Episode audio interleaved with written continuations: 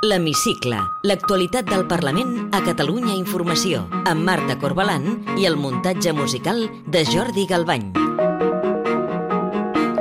La Junta Electoral ja ha sentenciat el futur de la presidenta suspesa del Parlament, Laura Borràs. Aquesta setmana li ha retirat l'escó després de ser condemnada per prevaricació i falsedat documental pel cas de la institució de les lletres catalanes. L'òrgan electoral no ha esperat que la sentència sigui ferma. Avui entrevistem el diputat de Junts per Catalunya, Salvador Vergés. Benvinguts a l'Hemicicle. Per decisió de la Junta Electoral Central, la líder de Junts per Catalunya perdrà l'acte de diputada i deixarà de ser la presidenta del Parlament, tot i que, de fet, ja té suspeses les funcions des de l'estiu passat, quan se li va obrir judici. Davant d'aquesta resolució, el Parlament ha decidit moure fitxa i presentar un recurs al Tribunal Suprem.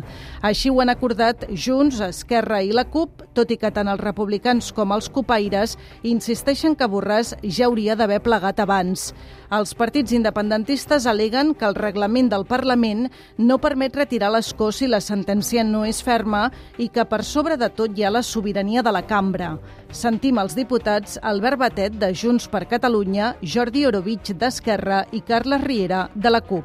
Pel bé de la dignitat de les institucions, el que no podem sotmetre és la política catalana a l'arbitrarietat de la justícia espanyola, com ha anat passant en aquest Parlament des de l'octubre del 17. En defensa de la democràcia, en defensa de la separació de poders, en defensa de la sobirania d'aquest Parlament, en defensa del seu propi reglament, nosaltres, lògicament, avalarem avui precisament la interposició d'aquest recurs contenciós i de les mesures cautelars. Aquest Parlament, mirin, té molt poca sobirania, cada dia menys, però la poca que té considerem que és de dignitat eh, defensar-la.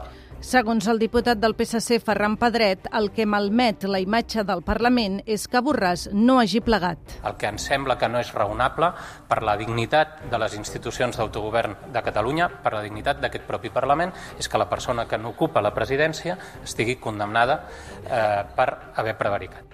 Els comuns denuncien que la Junta Electoral no pot interferir en la sobirania del Parlament, però no han avalat que es presenti un recurs al Suprem. Vox, el Partit Popular i Ciutadans han exigit que el Parlament faci efectiva de manera immediata la retirada de l'escó a Laura Borràs. El diputat de Ciutadans, Nacho Martín Blanco, ha estat contundent. Les importa por decirlo en palabras más malsonantes, un auténtico rábano el prestigio del Parlamento de Catalunya. La retirada de l'escó obre a partir d'ara el debat de qui ocuparà la presidència del Parlament, un capítol que segurament es deixarà per després de les eleccions municipals del 28 de maig. La proposició de llei de mesures extraordinàries i urgents per afrontar la situació de sequera excepcional en l'àmbit del districte de la Conca Fluvial de Catalunya ha quedat aprovada amb 100 vots a favor, 15 en contra i 9 abstencions.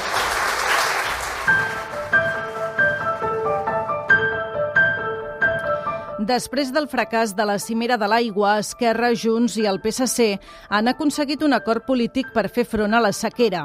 Els tres principals grups parlamentaris han aprovat una proposició de llei impulsada per Junts que suavitza les sancions als ajuntaments que no estalviïn aigua, deixant-los un marge per fer obres de millora i preveu també un llistat d'inversions en infraestructures hídriques. El president de la Generalitat, Pere Aragonès, ha agraït l'esperit de consens. Del debat d'avui n'hauríem de treure el compromís i el consens que la responsabilitat amb la que hem arribat a aquest acord permeti afrontar amb la mateixa actitud de suma, amb la mateixa actitud de fer front de forma col·lectiva doncs, a les dificultats, als reptes que aquesta sequera ens depararà en els propers mesos. El cap de files de Junts al Parlament, Albert Batet, ha aprofitat l'ocasió per tornar a recordar al president aragonès que governa en minoria. Avui el Parlament ha fet la feina, però també es demostren dues coses, que hi ha alternativa que hi ha una alternativa a governar amb solvència. Diputat. Que avui es deixa clar que no es pot governar al marge del Parlament de Catalunya que representa Diputat. la sobirania de tots els catalans i de les catalanes. El líder del PSC, Salvador Illa, ha insistit que el seu partit vol col·laborar amb el govern, però també ha fet una petició. No només no obstaculitzar, sinó d'estendre la mà en aquest assumpte al govern. Ara, a vostè, senyor Aragonès, i al seu govern li toca conduir prendre decisions. Els comuns i la CUP no han donat suport a la proposta de Junts i han qualificat l'acord d'electoralista. La cap de files d'en Comú Podem, Jessica Albiach, ha demanat al president de la Generalitat que canvi el rumb i al diputat copaire Dani Cornellà que deixin de fer electoralisme. En el seu cas, ara mateix rectificar vol dir liderar i deixar de fer seguidisme de la pinça de Junts i el PSC. Els règims sancionadors han de ser per a tothom i el que no es pot fer és electoralisme. El caos que es va viure el cap de setmana passat amb l'organització de les oposicions a funcionaris de la Generalitat ha desencadenat una tempesta política.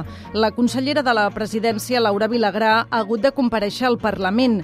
Després del fiasco de dissabte passat, el govern repetirà tots els exàmens i rescindirà el contracte amb l'empresa que els va fer.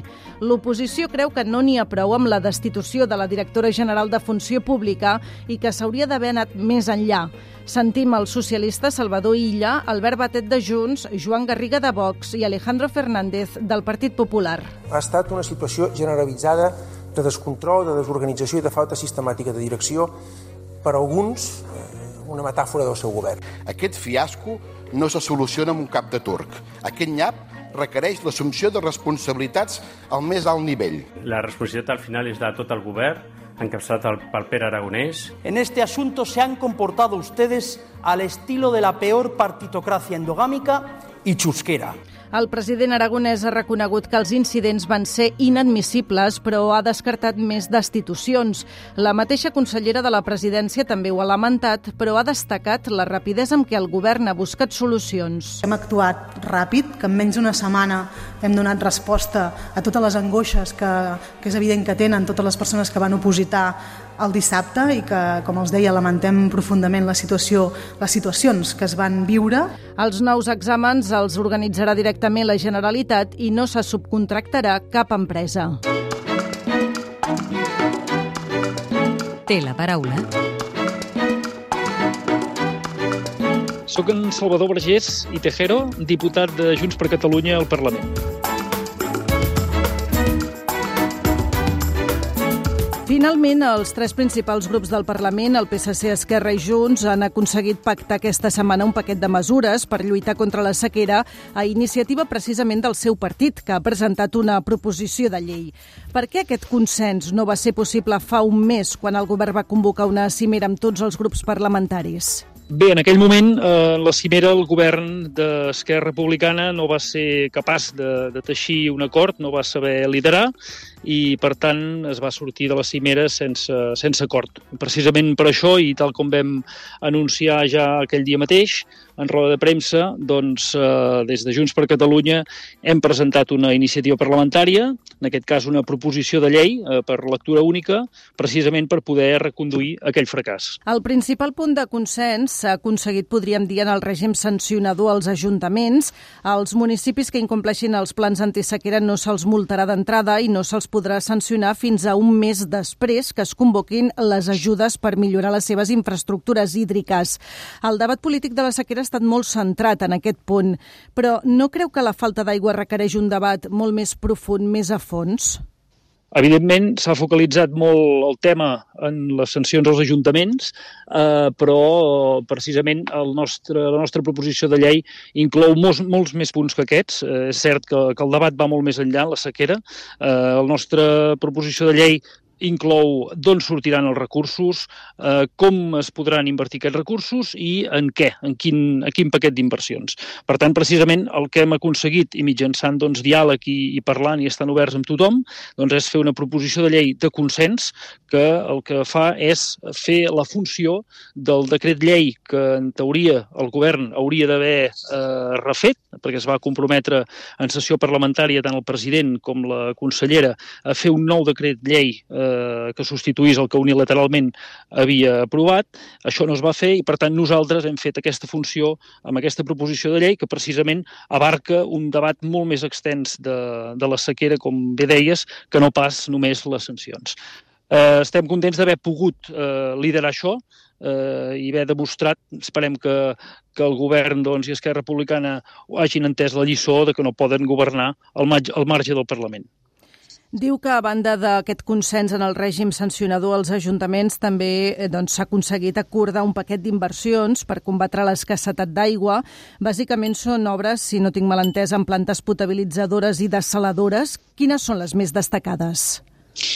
El paquet d'inversions inclou, com bé deies, doncs, tota una sèrie d'obres amb noms i cognoms, obres importants, infraestructures que ens han de donar molts litres per segon, perquè, evidentment, aquest episodi de sequera doncs, no, no quedarà aquí, malauradament, degut a l'escalfament global, les sequeres les anirem tinguent i cada cop pel que sembla més intenses, per tant, hem de garantir el recurs a mig i llarg termini, però hi ha obres també que ens comporten eh, recurs hídric ja per d'aquí a pocs mesos, perquè la previsió és que aquest estiu mateix doncs, doncs, 300 municipis, sobretot petits municipis, puguin quedar sense aigua de boca. Evidentment, les més importants doncs, eh, són les desaladores, tant el que és la nova desalinitzadora del, del Foix, a eh, la zona de Cubelles-Cunit, com l'ampliació de la desaladora del, del Tordera.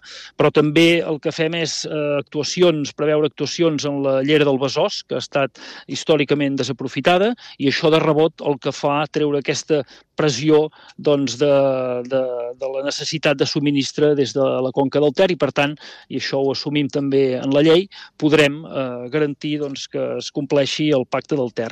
Les actuacions són, són diverses, eh, tant en, en genèric com, com particularitzades en, en llocs concrets, i el que fan és eh, abastar tot el territori i eh, garantir que tots els ajuntaments que tenen problemes d'abastament d'aigua doncs, puguin fer les seves actuacions i, a més a més, per la via del contracte d'emergència. Com valora la gestió que està fent el govern i en concret eh, la consellera d'Acció Climàtica, Teresa Jordà? Doncs la valorem malament, sincerament. Eh, la consellera mm, ha estat molt incompareguda en totes aquestes reunions que hem fet i nosaltres des de Junts per Catalunya amb aquesta proposició de llei el que estem és demostrant que hi ha alternativa a aquesta incompetència. Eh, com deia el, el decret llei unilateral que va aprovar el govern i que tenia un esperit sancionador i centrifugador de responsabilitat, sobretot cap als ajuntaments, doncs ha estat substituït per una proposició de llei que precisament és de consens, de parlar amb tothom i que el que fa és acompanyar eh, mesures concretes eh, i amb un, amb un esperit eh, realment executiu. Permeti'm que li pregunti per una altra crisi al marge de la sequera que també ha patit el govern aquesta setmana, que és el causa l'organització de les oposicions de funcionaris. Creu que és suficient la destitució de la directora general de Funció Pública?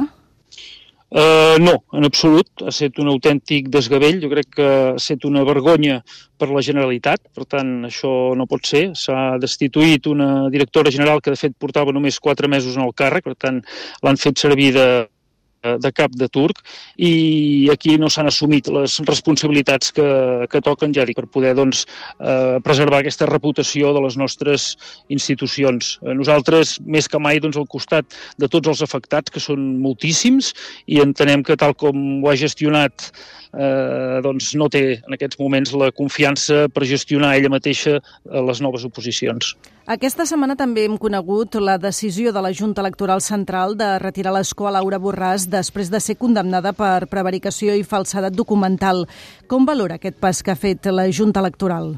És evident que estem davant d'un cas de, de persecució i, de fet, ja, ja fa anys que, que l'Estat espanyol doncs, persegueix la sobirania i els drets del nostre Parlament, i en aquest cas doncs, focalitzat a, a la presidenta Laura Borràs. És evident que, que és un cas de l'ofer de, de manual i que si no es tractés d'ella doncs no, no s'hauria arribat a aquesta situació i no se l'hauria perseguit com se l'ha perseguit. Creu que Laura Borràs s'ha de substituir o s'hauria de deixar vacant, com es va fer, per exemple, amb l'expresident Quim Torra com a mostra de protesta? Encara no som en aquesta situació. Això, evidentment, doncs, qualsevol decisió en aquest sentit primer haurà de passar per l'executiva del partit i llavors veurem com, com es procedeix. Si li sembla bé, ens endinsem ara ja en el terreny més personal i li demano si pot contestar amb respostes tan breus com sigui possible. Amb quina música s'identifica? En aquests moments, molt i molt, amb Entriquell. Té algun viatge que l'hagi marcat a la seva vida? Islàndia. Quin diputat o diputada, ideologia a banda, fitxaria per al seu grup? La Núria Piques. Si deixés la política, a què es dedicaria? A fer de pagès. I ja per acabar, completi la frase següent. El que més m'agradaria del món és... La independència de Catalunya. Salvador Vergés, diputat de Junts per Catalunya al Parlament, gràcies per atendre'ns a l'hemicicle de Catalunya Informació. Moltes gràcies a vosaltres. Podeu tornar a escoltar l'Hemicicle al web catradio.cat barra hemicicle o al podcast del programa i seguir l'actualitat del Parlament al perfil de Twitter arroba L-hemicicle.